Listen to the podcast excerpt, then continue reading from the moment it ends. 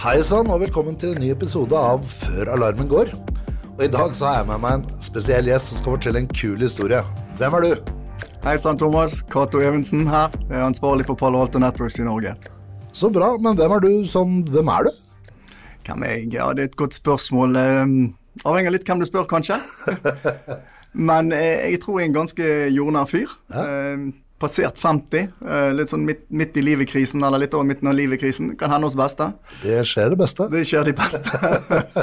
men eh, men eh, Jonar Kars liker musikk, fotball, jeg liker idrett egentlig, og elsker sikkerhet, og er veldig opptatt av det. Så Det er en god innflyvning, det. ja, det, jeg tror meg og deg er veldig lik der. Det. Og du bruker mye tid på baner og sånn sammen med barna også, ikke sant? Det gjør jeg. Jeg gjør det. Altså, eh, jeg syns det Ledegang er roten til alt vondt. Ja. Og hvis gutter kan være med om det heter eh, Jeg bryr meg ikke om det heter sjakk eller om det heter håndball.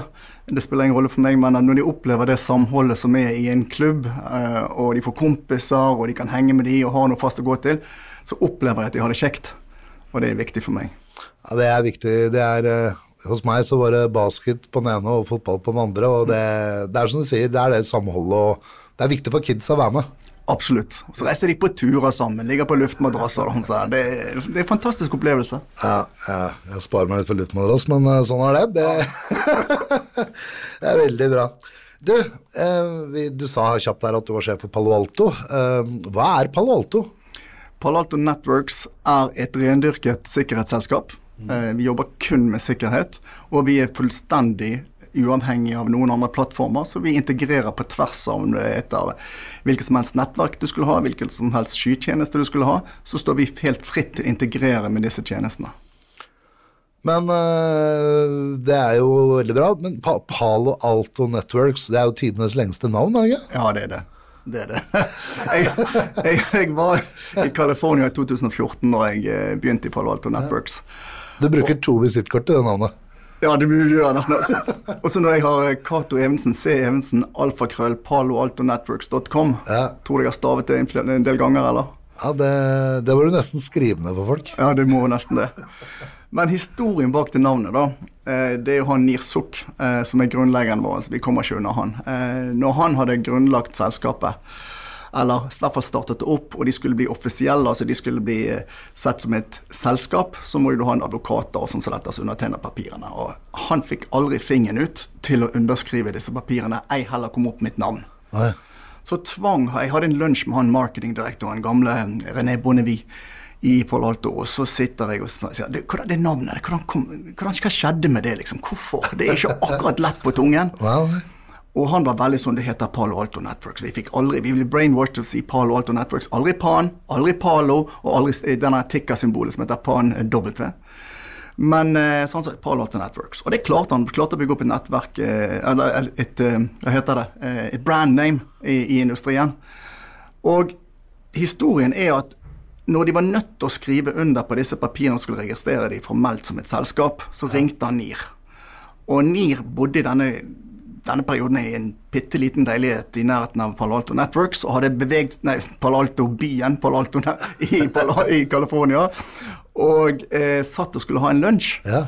Og så ringer han og sier du, nå må du nesten komme opp med et navn. Så han, jeg, jeg har ingen navn. Ja, hvor er du hen? Jeg er i Palo Alto. Så ble det litt stille. Skal vi bare kalle det Palo Alto Networks? Og det ble navnet. Det ble arbeidsnavnet som ble sendt inn. Og de ble jo veldig klar over at det var et langt eh, navn. Men, og de prøvde ett år senere å endre på det og justere navnet. Men da kostet det den gangen 170 000 dollar. Oi. Og det er over en million. Ja, ja. Og så et nyoppstartet selskap. Og, det eh, ikke penger der. Nei, det var ikke der de ville bruke pengene. Så derfor heter vi Palo Alto Networks. Ja, Det er faktisk en kul historie. Eh, jeg har jo jobbet i den bransjen her en del år, og, og jobbet eh, en gang i tiden også for eh, en konkurrent da, Palo Alto Networks. Ja, nå klarte jeg det faktisk. Eh, og det var jo liksom Folk begynte å høre om et eller annet eh, Hva er dette for en hype, liksom? Jeg Er gode på marketing, ikke sant? Hvordan begynte hele den storyen her? Hva, hva, hva er sånn, vi ble jo smertelig klar over at det var litt mer enn en hype ganske snart. Det er jeg veldig glad for. Og, men, men tror jeg har hørt den eh, Dere er bare sånn marketing Ja, sånn ja, hype. Ja, ja, ja. nei, altså, jeg må nesten gå tilbake til han. Ja. Eh, For han var jo hos Checkpoint. Ja. Han kom ut fra militæret og hadde vært sammen med en del av disse gründerne eh, i Checkpoint. Gil Shred, som ja. bl Blant annet. Og eh, kom ut fra derfra, og de, de sa på han Han var bare en whiz-kid. En steingod ingeniør som hadde begynt å programmere på tidlige computere, altså Commodore 64 og den sånn type, og laget sine første viruser, faktisk, Ja. på den. da. Men han kom inn da i militæret og gikk de linjene som var en sånn spesiell avdeling i, i Tel Aviv, i det israelske militæret. Ja. Så ble han hentet ut til checkpoint av disse som han hadde møtt her. eh, Ja. Møtt eh, i militæret da. Og så ble han satt til å lede den amerikanske avdelingen. For de så raskt at dette var en veldig ressurssterk person. Og han begynte å lede den eh, amerikanske avdelingen. Og han hadde et team med ingeniører i California som var veldig dyktige, og klarte å utvikle en teknologi som var, eh, optimaliserte eh, nettverkstrafikken. Når de skulle implementere den hos Checkpoint, så ble det litt misunnelse fra de gutta som satt i hovedkvarteret i Tel Aviv.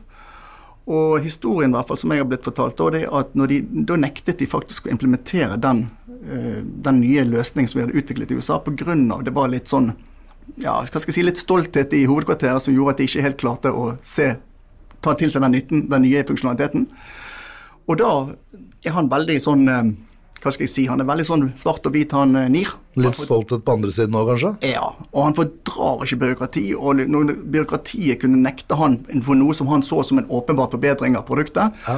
da valgte han faktisk å si opp. Eh, Så laget han et, selskap, et nytt selskap eh, som ble nokså raskt eh, kjøpt opp av et selskap som kanskje meg og deg husker, et Netscreen. Ja. Og så var han med inn i det selskapet med sine opsjoner fra det gamle det selskapet han hadde satt opp, og ble kjøpt opp av Juniper i, i, i sin tid. ja, ja. Og da gikk han rett til ledelsen til Juniper og sa du, nå må vi bygge en ny type eh, løsning på, på brannmursiden, fordi at den som er på markedet nå, den holder ikke mål. Eh, det fikk han blankt nei for, fordi at de hadde jo brukt uendelig mange hundre millioner til å, utvikle, nei, til å kjøpe Netscreen, Ja, som hadde en brannmur på markedet den dagen. Og det var ikke noe dårlige greier Eller? Nei, det var ikke dårlig. Men det vi glemmer, eller det som de glemte kanskje litt oppi dette, var jo at NIR var jo en av de som skrev det som vi kaller Stateful Inspection Firewalls. Og han så jo at den hadde sine begrensninger. Det var jo da som Vi skal ikke bli for teknisk her, eh, Thomas, men porter og protokoller. Altså, det var vet, du hva, vet du hvor mange porter det er i en brannmur? Fortell meg det. Ja, altså, det, det, Nå snakker ikke om de fysiske portene, men det er over 65 000 porter som er definert i en brannmur. Ja. Uansett form, eh, størrelse. Og bare de 1000 første er definert. Og en stateful inspection går jo på at hvis det kommer f.eks. HTTP-trafikk, altså webtrafikk som vi kaller det, inn på port 80, og det identifiseres som webtrafikk, så slippes det gjennom. Ja. Problemet med det at det var, sjekket, det var en dårlig prosedyre for å sjekke innholdet i det som kom inn. Så det la til liksom antivirus, intrusion detection-systemer, intrusion prevention-systemer osv. Så, videre, og så, videre. så du sånn, Det var ikke bare en brann, men det var multiple lag med sikkerhet i bakkant. Jeg la på lag for lag med sikkerhet. Yes. Og det er sånn, det går jo ikke. Det blir jo et kaos. Vi klarer ikke å se alle varsler. Så vi går jo, det sånn, du klarer ikke å se skogen på alle trærne. sant? ja. Og så sa han at vi må lage, vi må lage en, en, en brannmur som stenger for all trafikk, og vi skal opp på lag syv, så vi klarer å identifisere applikasjonene som kommer inn. Og så skal bedriften faktisk få bestemme, kunden, få bestemme hvilke applikasjoner de ønsker å bruke. Og det var noe helt nytt. Det, fordi at State Inspection som sagt, slipper inn bare du identifiserer deg som en HTTP eller webtrafikk. Han bryr ikke seg om dette heter Facebook eller TV2 eller VG. Det er webtrafikk. Vær så god, kom igjennom. Kjør på. Ja, Så han sa glem det. Vi stenger alle portene. Vi slipper kun igjen det som bedriften spesifiserer. Og det kan være 10-12 applikasjoner som de har lyst til å bruke. Og da slipper vi kun igjen om det. Og det vil han lage. Fikk ikke gehør for det hos Juniper. Sluttet tvert. Sa nei til en haug med opsjoner som han hadde med seg inn på det selskapet som han startet opp. Ja. Måtte flytte inn i Han var sånn ikke så opptatt av penga, han var mer opptatt av det og passion. Veldig stolt ingeniør. Og hater byråkrati. Han, er jo med oss den dag i dag som, som CTO. Ja. Og, og eh, han, den gangen det var mye som skjedde, og han brøt opp med, med konen og, og, og sa nei til alle disse opsjonene og flyttet inn i en sånn, litt sånn luguber leilighet i Mountain View i California. Og satt der og lurte på egentlig hva neste steget var. Så ringte en av hans tidligere kollegaer i Checkpoint og spurte hva er det du holder på med, for han visste at han her var en whisky. Han var utrolig dyktig. Og sier nei, jeg har en idé, men jeg har ikke noen som funder den. Og så begynte de å prate sammen. Han forklarer det når eh, jeg satt og pratet med han, forklarte det som at de satt nesten en hel natt og bare sparket ideer frem og tilbake igjen. Og ut kom et produkt som de definerte på papiret den gangen, som det heter lag 7 brannmur, altså applikasjonsbasert brannmur. Ja. det som vi i dag kaller Next Generation Firewall.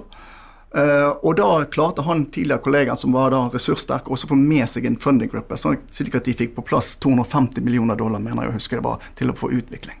Det er mye penger. Det er mye penger. Men det var en god idé, tydeligvis?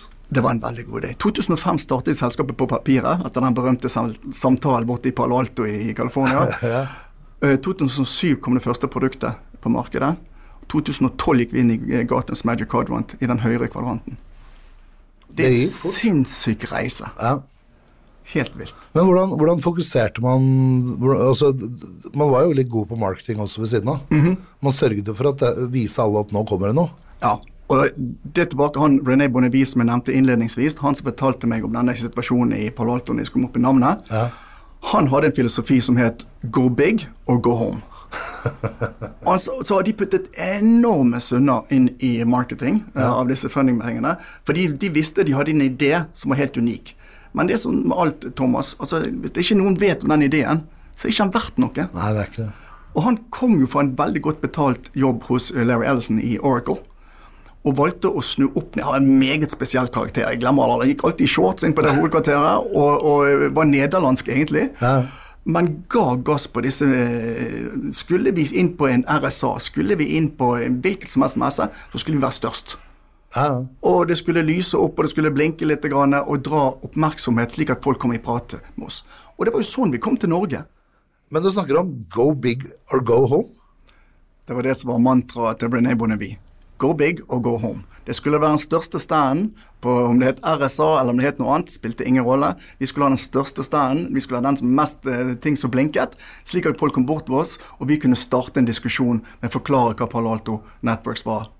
Så dere skulle, dere skulle rett og slett utfordre litt, og, og, og, jeg husker tilbake der hvor jeg jobbet. Vi landet jo på, på flyplassen i Barcelona og skulle ha en samling. Mm. Uh, og da hadde Palo Alto uh, Networks, nå klarte jeg det igjen, uh, faktisk kjøpt opp alle billboardene på den flyplassen. Så når vi skulle på vår samling, så, så måtte alle fly inn og se konkurrenten da på alle billboards. Det var strategi, det. Det var en helt bevisst strategi. Og dette lå jo i blodet til René Bonnevie og Nirsuk. Wow. Altså, de skulle det. Jeg har en litt morsom historie fra Tel Aviv som jeg plukket på i farten nå. Og det var, jo, det, det var jo ikke akkurat god stemning mellom disse her gamle kollegaene i Checkpoint. Ja. Og Checkpoint ligger, har jo et svært hovedkvarter i Tel Aviv, som du sikkert har vært på. Jeg har vært der flere ganger. Ja. Og det er, er rett ved siden av et svært sånn billboard. Der, når, når, vi begynte å bli store og begynte å ta igjen våre konkurrenter i form av markedsandeler og omsetning, og dette, så klarte han i å kjøpe hele det billboardet. Og så sto det på arabisk eh, eh, Hebraisk heter det vel kanskje? Hebraisk. Ja. Eh, sto det liksom You just passed checkpoint. So did we. Palo Alto Networks. Og det, det fikk jo han Gilshad til å ut av sitt gode skinn. Altså, det var jo historien var folk som har begynt hos oss, som kom fra checkpoint. De var, han, han, altså, det, det, var jo, det var jo oppstandelse. Uh, men, jeg, har hørt, jeg, har hørt, historien. Jeg, altså, jeg har hørt historien. men det var, det, var jo, det var, jo, utrolig morsomt. Og vi har jo prøvd å gjennomføre dette her videre. eller ja. videreføre dette. Og, og, du var jo på sikkerhetsfestival på Lillehammer. Og eh, vi hadde et fantastisk flott samarbeid med eh, organisasjonen i, som, som drev sikkerhetsfestivalen. Og de hadde jo prøvd å bite merke til å flagge Lillehammer by som en liten Palo Alto Networks-by når, når, når, når dere kom opp der. Ja, dere byttet jo til og med ut flaggene på hotellet med svære Palo Alto-flagg. Ja, ja, det var en gøy samtale. For vi gikk til han hotelldirektøren, hva skal til? Ja. Og så nei, så lenge dere bor her, så skal dere få lov til å endre flaggene. Så det, det kostet oss ingenting, bortsett fra hotellovernatting. Men, og det, og det er en av de tingene, vi skal gå tilbake til historien selvfølgelig, men det er en av de tingene som kanskje kjennetegner dere. Dere gjør mye sprø ting. Mm. Men det må jo være kapasiteten bak, ideene, tankene, hvordan dere gjør det. Altså, Hvordan kommer dere opp med alle disse her? Har dere en sånn forslagkasse på veggen? Hvem kom med den sprøeste ideen? Nei, det har ikke vi faktisk. Men, men vi, har, vi, har, en veldig kreativ eh, gjeng. Og, og, og, vi sparer veldig godt med hverandre. Eh, et eksempel som jeg har lyst til å dra frem, det er at nå hadde vi nettopp hatt en samling på, på Farris bad med hele teamet. Der har jeg ingen slides. Vi sitter i en hestesko, der er ingen pult foran oss. Eh, og jeg begynner egentlig bare med å si ok, dette var resultatet fra fjoråret. Nå skal vi nå dette målet, etter jeg har fått tallene mine fra min sjef. Hvordan gjør vi det? Og da stiller jeg to spørsmål. Det var vi gode på i foregående år? Og så hva kan vi bli bedre på? Og det bruker vi to dager på, de to setningene. Så bygger vi opp ideer. For det, akkurat som når meg og deg snakker, så kommer jo ideene til, du får tanker inn i hodet ditt, og så kommer de ut.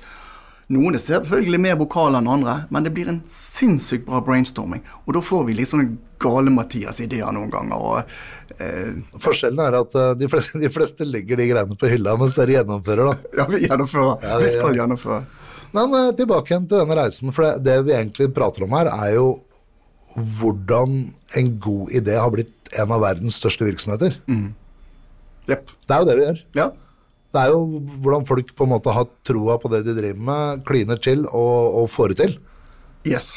Og marketing er en del, men det må jo ha vært, det må ha gjort mye riktig på ingeniørfronten også? Ja, det gjorde han. han altså, eh, NIR, nå går jeg tilbake til gründeren vår, som jeg har enorm respekt av, og jeg blir veldig motivert hver gang jeg hører, hører han prate. Ja. Um, han sa jo med en gang at ok, hvis vi skal være en lag syv inspeksjonsbrannmur, så vet jo vi hvilken applikasjon som kommer inn. Hva om vi legger til rette for at alt det vi gjorde i bakkant på en stateful inspection, altså antivirus, intuition detection, intuition prevention, sjekking av innhold osv., det ligges latent inne i elektronikken. Okay. Og jeg er jo gammel sivilingeniør i elektronikk, så de bygde jo en, noe som jeg brukte på min tesesoppgave også, en field programmable array. Som betyr egentlig det er en programmerbar mikrochips. Så istedenfor å bruke noe som og kommer fra hyllen, som bare er en CPU som kverner data, ja. så lagde de eller lagde de kjøpte en, en, en field programmer array som de putta opp en software på. Så det betyr at hver gang vi utvikler ny software, skal vi putte direkte på den chipen og forbedre ytelsen eh, i våre produkter. Så det betyr at alle disse oppgraderingene av internett og alle forandringene som har skjedd der, og krypteringer og alt mulig sånt nå, har dere klart å holde tritt med, da, med andre ord? Vi har holdt veldig god tritt, fordi at våres ut, altså når du har en elektronikk som utfører handlingen kontra en software. Ja. En software er uendelig mye saktere enn eh, en, en, eh, operativsystem. Eh, som, som, du vet jo selv at det første kommer opp, det er operativsystemet. Ja. Og så laster du inn applikasjoner som ligger ja. på en, på en, på en harddisk. Eh, akkurat samme fungerer softwaren også. Sant? Så hvis du ligger en funksjonalitet som skal gjøre en sikkerhetsanalyse som en software, kontra han ligger det vi kaller en signal, eh, single pass eh, architecture, hvor vi filtrerer trafikken, vi inspekserer trafikken, og vi validerer trafikken. Og det gjør vi i hardware. Så vi kom jo veldig godt ut med å integrere alle disse produktene som vi lå i bakkant på en Stateful Inspection, ja. inn, i, inn, i vårt produkt ja. automatisk. Så det var det første steget som var helt genialt. Det andre tingen var at ja, for, for den, På den tiden så var krigen på firewaller veldig på hastighet, var det ikke? Jo. Ja. Det, var, det har også vært en sånn revolusjonerende ting fra før så var vi liksom sånn, du bygget et datasenter, så har vi litt sikkerhet på toppen. Ja. Til å nå blir det sånn, ok, hvordan ivaretar vi verdiene våre? Og det spørsmålet må jo komme veldig veldig tidlig i prosessen. Uh, så det har jo steget noe voldsomt. Men, men, det som andre var tingen som han gjorde veldig godt, og han, han sa det at vi kan ikke inspisere, altså vi kan ikke ha steinkontroll på en bedrift der han er til enhver tid over hele verden, basert på den enheten som står hos de. Og det var jo det som var ut, veldig stor utfordring den gangen. Så det at vi ofte, ofte hadde vi lokal sandbox. Ja, ja. Så han lagde, før vi begynte å snakke om sky, ja. vår egen uh, Threat Alliance uh, Cloud, da, eller vi kaller det Wildfire, da, som var en sandbox-teknologi. Men han brukte det som en sentral enhet. Så alle kunder dere hadde over hele verden, sendte opp i den skya? Ja, tanken var nemlig det. At, at hvis, hvis, en kunde har 100 brannmurer, og én oppdager, opp, finner i sin, eh, sin eh, sandbox at her er det noe muffens, her er, her er en, en, PDF som gjør noe han ikke skal gjøre. Ja. Hvordan får de andre 99 vite om det? Og Hvis du har da en sentral skytjeneste som validerer det innholdet i den PDF-en, så kan du oppdatere samtlige 100 samtidig. Ja. Så det blir en slags dugnad, da. Ja. Og når da, som du poengterer, nå har vi snart 100 000 kunder over hele verden. Når alle bidrar til den sandbox-teknologien, ja. eller trusselbildet, ja. så har du en enorm Sikkerhetsdugnad, rett og slett? Ja, ja, sikkerhetsdugnad, ganske enkelt. Som, som da blir videreført tilbake til alle instansene ja. våre. Ikke bare brannmuren, også til endepunktsikkerheten, også til cloud-tjenesten, fordi alle abonnerer på den samme tjenesten. Men det var han så tidlig ute med å etablere noe sånt? Ja. Før vi begynte å snakke om skyer, Thomas. Det er jo det er ikke så rart at han fikk med seg folk. Nei, ikke sant. Men, men, men hvordan tok han reisen videre derfra? Jo, eh, nå forgrep jeg kanskje litt begivenhetens gang ved at jeg begynte å snakke om at eh, altså nettverkssikkerhet er jo ufattelig viktig fortsatt. Det er de som hevder at det er ikke det, men sist jeg sjekket, så gikk alle IP-pakker fremdeles på et nettverk i en eller annen form. Det vet jeg. Ja. Eh, men så har du dette med endepunkt. og Endepunkt er jo veldig mye. Det kan være, det kan være eh, våre vanlige laptoper, det kan være servere, det kan være en, en, en robot. Eh, hva, hva den du måtte definere det som. Og så fant vi ut at vel, en del av trafikken som kommer inn, er kryptert. Veldig mange av våre kunder som vi opplevde i industrien, Gartner også hadde noen data på dette, så at 50-60% av trafikken som kom inn, ble ikke kryptert i brannmuren. Da er jo brannmuren blind, for du kan ikke inspisere innholdet. Nei, du kan ikke se noe som er kryptert. Opp til skytjenesten eller noe som helst. Så da måtte vi ha en mulighet til å titte på innholdet når det ble pakket ut. Og når det ble pakket ut, da, så fant vi ut at vel, det er millioner med viruser. Men det er bare en håndfull med teknikker. Det kaller vi exploits. Så vi tittet på, vi injiserte en liten kode på den PDF-en hvis vi skal bruke det som et eksempel. Ja. Og hvis den begynte å skrive i Windows Registry, eller hvis det begynte å spørre hvor mye minne vi hadde, eller hva slags operativsystem, så gjorde han noe som PDF overhodet ikke skal gjøre. Helt riktig. Ja. Så når vi så den begynte å oppføre seg tussete, så klarte vi å bare si ok, du får stoppe eksekveringen. Så sendte vi den opp i den samme skytjenesten, samme sandboksen. Sjekket innholdet. Ok, dette er et virus. Identifiserte det. Så oppdaterte vi eh, endepunktene og brannmurene. Sånn at da har vi plutselig fått en lim, og da har du fått en automasjon. Og den automasjonen den, den, den, den synes jeg er så ufattelig viktig, for jeg kommer så til mange bedrifter som sier ja, vi har én avdeling som holder på med dette med endepunktsikring og applikasjonssikring, og så har vi én avdeling som holder på med datasenter og sånt, og gjerne en tredje som holder på med cloud. Hvordan snakker de sammen, da? Du snakker big data allerede, du. Ja, sant. Det jo eh, Vi må jo, vi må jo Det må jo henge sammen. Ja, ja, ja. Dette er jo å lære mye samtidig her. Ja, så gøy, da. Men uh, hvor langt har vi kommet i reisen nå? Nå har vi kommet til reisen hvor eh, Vi kom forbi marketing hype. Vi kom forbi uh, det nett, et, et brannmurselskap, eller firewall-selskap. Nå har vi en, en, et ekosystem av produkter som du kan, du kan bruke uavhengig av hverandre, eller du kan koble sammen som et ekosystem. Og da begynner ting å henge sammen. Et konkret eksempel jeg har lyst til å bruke det. Når vi så det at vi hadde sensorer i alle ledd, nettverket, cloud og på endepunkt, så så vi at dette kan vi bruke til noe fornuftig. Vi, vi var på RSA-konferansen. Har du vært på RSA? Dessverre. Nei. Eh, ikke jeg heller. Veldig lyst. ja, veldig lyst. Ja. Men jeg har blitt fortalt at der er det liksom 6000 selskaper fra kommer ut fra MIT, kommer ut fra militæret, som liksom driver med sikkerhet. Ja. Og noen av de har gjerne bare en algoritme eller en kul idé. Så et av de selskapene het Lightcyber, som vi kjøpte. Og hele greia med Lightsaber var at de hadde en grådig kul algoritme for behavior analytics. Men for å lage behavior analytics så trenger du en sniffer på, på nettverket, Ja. så trenger jeg en sniffer på endepunktet, Ja. en sniffer på, på clouden. Og så må du samle dataene. Flaks at du kjente noen som hadde det, da. Ja, vi, det var helt tilfeldig. Så tenkte vi hm, det har vi. Og så har vi også en sted å samle det i den samme skytjenesten. Vi kunne bare bygge det på, på den på, på lagredataen. Ja. Så vi lagde en datalake. Og så samlet vi opp alle disse dataene fra kunden, og så kunne vi tippe, titte på det som heter behavior analytics. Det vi bakt inn i den Cortex-portefilen, eller den endepunktbeskyttelsen, slik at hvis du, Thomas Dømmenet, heldigvis er blitt infisert, men du ikke aner det, så har vi laget en digital signatur på deg. Så kan vi titte på Thomas Dømmenes. Plutselig begynner han å gjøre rare ting. Han begynner å sende veldig mye til Cato Evensen. Kanskje filer som ikke han, Cato Evensen skal ha tilgang til engang. Da kan vi gå inn og titte på den spiken der. Hvilken applikasjon trigget det? Og hva er det som gjorde at den applikasjonen gjorde det? Var det den berømte PDF-en vi snakket om i sted, Ja, ja, som gjorde at Adobe agerer på den måten der? Da kan vi isolere den, kan, eh, den, den og, terminere eksekvering av den eh, applikasjonen og den filen. Og vi kan til og med kjøre det i karantene med klienten som gjør det. Og det verste er at du sikkert kan gjøre det uten at jeg merker det. Ja. Så jeg vet ikke at jeg har gjort noe gærent engang. Nei. Nei, men det er jo det, det, er jo det, det, er jo sånn uh, Jeg liker ikke å bruke ordet hackere, for det høres ut som en enkelt person. Ja. Uh, jeg liker å bruke ordet, så Dette er jo organisasjoner, om det, om det er land, stater eller mafiaorganisasjoner som utnytter oss eh, økonomisk. Så er dette organisasjoner som går inn og så tar hånd om din kontroll over din enhet. Ja. Om du er da på innsiden, så aner jo ikke du at du er blitt infisert. Det er jo hele poenget deres. Hvis du aner at du er infisert, så ville du slått alarm. Veldig fort. Ja, veldig fort. Men siden du er en trusted advisor hos Athea, så er, når du logger på, så får du tilgang til alt. Og din Laptop er jo i dette tilfellet infisert, så hvordan skal du oppdage det hvis det ikke du skal se på en du plutselig har en digital signatur som er i utakt? Da må jeg ha noen som følger med på meg. Ja, Jeg må det. ja du må det. Ja.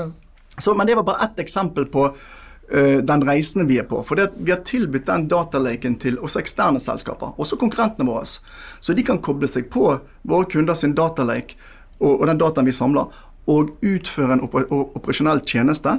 Og vi legger oss ikke opp i det. Det kan om de heter Checkpoint eller om de heter Cisco eller heter Fortinet, det kan de velge å implementere hos en kunde som en tjeneste, og kunden kjøper den transaksjonen eh, fra, direkte fra de. Men vi har kontroll på selve datalaken, som da rommer dataene for kunden. For vi har sensorene. Det er vinn-vinn, da. Jeg håper det. Ja, det er det. For vi kan ikke vinne dette alene, Thomas. Nei, vi kan ikke det. Men det, jeg, jeg kjenner at jeg blir imponert både over hvilket kunststykke disse her eh, Hva skal jeg si? eh, Selgere og marketing og ingeniørene har gjort sammen. Men også hvor dere er i dag. Men når man har en sånn imponerende bakgrunn, hvordan er veien videre? Hva gjør dere videre? Jeg tror at det store neste steget som kommer for ikke bare oss, men bransjen generelt, er artificial intelligence. Kunstig intelligens. Ja, jeg kommer ikke rundt det. altså. Vi har selvtenkende roboter. Vi har PT så har vi, har vi eh, brannmurer med machine learning som gjør det inline. Altså når nettverktrafikken inn, så kommer han- læreren av trafikken som kommer inn og gir anbefalinger til hvordan du kan konfigurere din brannmur bedre. Det skjer automatisk ved hjelp av algoritmer. Vi har inspeksjoner som skjer på, på trusselbilder basert på det som vi har fant oppi den sandbox-teknologien som er en skytjeneste. Basert på de algoritmene som er utviklet på det trusselbildet som vi fant. Dette skjer inline på nettverkstrafikken. Og, det, og det, fjerner all, det fjerner muligheten til å gjøre en del feil, og det fjerner en del støy for oss, sikkert. Enormt. Enormt. Og så eh, automasjon syns jeg bare vi har blitt eh, skrapt overflaten på. Eh, hvis det ikke vi klarer oss å samhandle, så vil vi alltid være ti mil bak alle disse organisasjonene som prøver å ta oss. Opplever du at eh, dette er en fordel i forhold til Altså, vi har jo et marked hvor vi mangler utrolig mange ressurser. Ja. Er dette med på å, å tette det gapet litt? Det håper jeg virkelig. Ja. jeg har jo snakket med deg mange ganger, Thomas, og jeg tror jo at vi ikke har sett det verste ennå. Jeg er redd det kommer til å gå oppover, trusselbildet kommer til å øke for oss. Um, jeg tror at den digitaliseringsprosessen som åpner for skyreiser, kombinert med 3000 manglende posisjoner i 2030, basert på noen rapporter meg og jeg har lest, gjør at vi kommer i en situasjon hvor vi er nødt til å samle kompetansen et sted og tilby dette som en tjeneste. Det tror jeg er en veldig viktig løft for oss som jobber med sikkerhet, for at vi skal ha sjans å hjelpe de som sitter der ute med bedrifter, som om de selger biler eller om de, de er meieriprodukter. Spiller ingen rolle. De skal ikke ha kompetanse på sikkerhet. Det kan vi ha. Ja. Men da må de kjøpe den tjenesten fordi at den kompetansen er så mangelfull. eh, Og de klarer ikke å opprettholde en sikkerhetsavdeling alene. Det er min spådom. Tror du det blir sturent? Altså, vi er veldig vant til at trenger du helse, så går du og kjøper helsetjenester. Er bilen din ugrei, så kjøper du tjenester i forhold til å få reparert bilen. eh, og mange, mange, mange eksempler. Ja. Når tror du folk opplever at det er viktig og det er riktig å, å investere i sikkerhetstjenester? Er det styrerommene som våkner litt? Jeg tror at styrerommene er i ferd med å våkne. Det håper Ja. jeg virkelig. Ja. Eh, De er tross alt ansvarlig for de eh, bedriftene som de sitter og styrer, og i private virksomheter er de personlig ansvarlig for å håndtere det på en god måte. Styrevervet sitt. Um, Det må komme ovenfra og ned. Ja. For hvis det er kun et teknologivalg, så er, det veldig, så er vi mennesker sånne vanedyr. Altså, Hadde meg og deg kommet tilbake inn her i studio i morgen, så hadde du sikkert sittet på samme plassen din og jeg har sittet her borte. Selv om det er samme mikrofon på hver sin side av bordet. Helt riktig. ja. Men det er det også. Sånn gjør vi hjemme også. Så jeg tror at det må komme ovenfra og ned som en strategi, og den må være koblet med businessplan. Du må tørre å gjøre noe nytt. Ja, og så må vi tørre å invitere inn sikkerhetsavdeling, som tidligere var en nei-avdeling, Ja. og, og si at nå har vi lyst til å gjøre dette. Akkurat som jeg gjør med brainstorming min med Ja. mitt team. Når du gjør en brainstorming med styret og tenker nå skal vi revolusjonere eh, meieriproduksjonen vår og gjøre på en litt annen måte, så må du tørre å koble på sikkerhetsavdelingen og si ja, hvis du gjør det, så må vi passe på passe på det, akkurat dette. Ja. Og det må bare ta, ivaretas fra dag én, ellers henger sikkerheten alltid bak. Sikkerheten må komme og si 'vi kan sikre dette, derfor kan dere gjøre alt det'. Ja. Ja, Og så må vi glemme det der, få vekk det der nei-stempelet som vi alltid har hatt. ja det, det er det helt rett i. Ja. Det, jeg syns det er en fin avrunding jeg, på, på reisen her. Og, og sånn avslutningsvis så pleier jeg å stille et par spørsmål. Og da har jeg lyst til å begynne med det første her, og det er hva er din favoritt smart device? Ja, godt spørsmål. Um, jeg er veldig glad i musikk. Og jeg er veldig glad å noen ganger se på konserter i form av TV-en min eller noe sånt, men da, er- liker jeg god lyd. For jeg drar ikke den lyden som kommer ut i disse flate TV-ene som vi har om dagen. Ja, Og samtidig så er jeg i litt sånn eh, forhandlinger med min kone da, hvor store høyttaleren kan være, og eh, hvor ledningen kan trekkes og sånne ting. Så, så der syns jeg at Sonos har laget et genialt konsept. ok. Eh, jeg er blitt veldig glad i de. Eh, når, all, når forsterkeren er bygget inn i høyttalerne, jeg trenger kun å finne stikkontakt, så kan jeg gjemme bak en gardin. Og det er ikke noen ledning som går ut fra En sentral enhet. Eh, lyden er fantastisk, og alt styres via av en liten app som jeg har på telefonen min, og det syns jeg er helt genialt. Så Sonosen din er genial. Syns jeg. Ja, jeg er på vei til å begynne med Sonos, så jeg, det er jeg glad for å høre. Vet du hvordan jeg ble interessert i Sonos? Det, det var litt gøy. Jeg hadde en julemiddag med teamet mitt, dette et par år siden. Og så hadde vi en sånn liten oppmerksomhet til den som hadde dratt lasset på inneværende år. da. Og da fikk jeg min første Sonos av teamet. Ja, så kult. Ja, Og den står på arbeidsrommet fremdeles, så det, hver gang jeg ser det, så er det liksom en på, fin påminnelse. Jeg, har fått en min av en kompis jeg, som eh, sikkert hadde for mange, men eh, jeg skal prøve. Det er jeg veldig glad. Ja. Du, det, det var det ene. Og jeg har en ekspert som deg som har vært med så mange år i gamet her. Så er det viktig å Lytterne har liksom fått med seg mye rart og reisen og alt mulig, men hva er ditt beste tips til eh, lyttere? Mitt beste tips til lytterne, det er, det er to ting. Ja, to ting. Eh, For å få kontroll på bedriften din, så må du vite hva Crown Jewels er, hvordan nettverket ser ut, hvordan infrastrukturen sin ser ut. Når du ser Crown Jewels, så tenker du da Ja, unnskyld, det som gjør at bedriften kan konkurrere i markedet. Ok, du må vite hva din konkurransefortrinn er. Yes. Yep. Så må du lage det vi kaller en assessment, eller en vurdering, Ja. Utføre en slags modenhetsanalyse. modenhetsanalyse, Ja. av bedriften. Ja. Den må komme fra en tredjepart. Det er det andre punktet. Ja. Det kan ikke komme fra den samme som har installert sikkerhetsinstallasjonen din. det er det enige om. Altså, jeg, jeg skjønner f.eks. ikke at, at, at folk som investerer i en, i en, en eh, applikasjon, velger at den applikasjonen skal passe på seg sjøl. Ja. Jeg fatter det ikke, fordi at det er omtrent som jeg sier til de tre guttene jeg har. Kan ikke dere skrive karakterboken sjøl? Ja. Du vil få et resultat som er påvirket av det. Du tror, det, du tror det er bukken havresekken? Ja, det er helt rett. det er helt rett. Så lei inn en tredjepart som kan gå grundig gjennom dette. Det finnes mange organisasjoner som tilbyr dette hvis ikke du har kompetansen in-house. Ja. Og de gjør en fantastisk jobb, og da kan du også ut ifra det prioritere hvilke prosjekt du skal ta først. Ref dette med hvilken verdi du bringer til markedet, og hvorfor folk velger deg. Crown jewels, som jeg kalte det.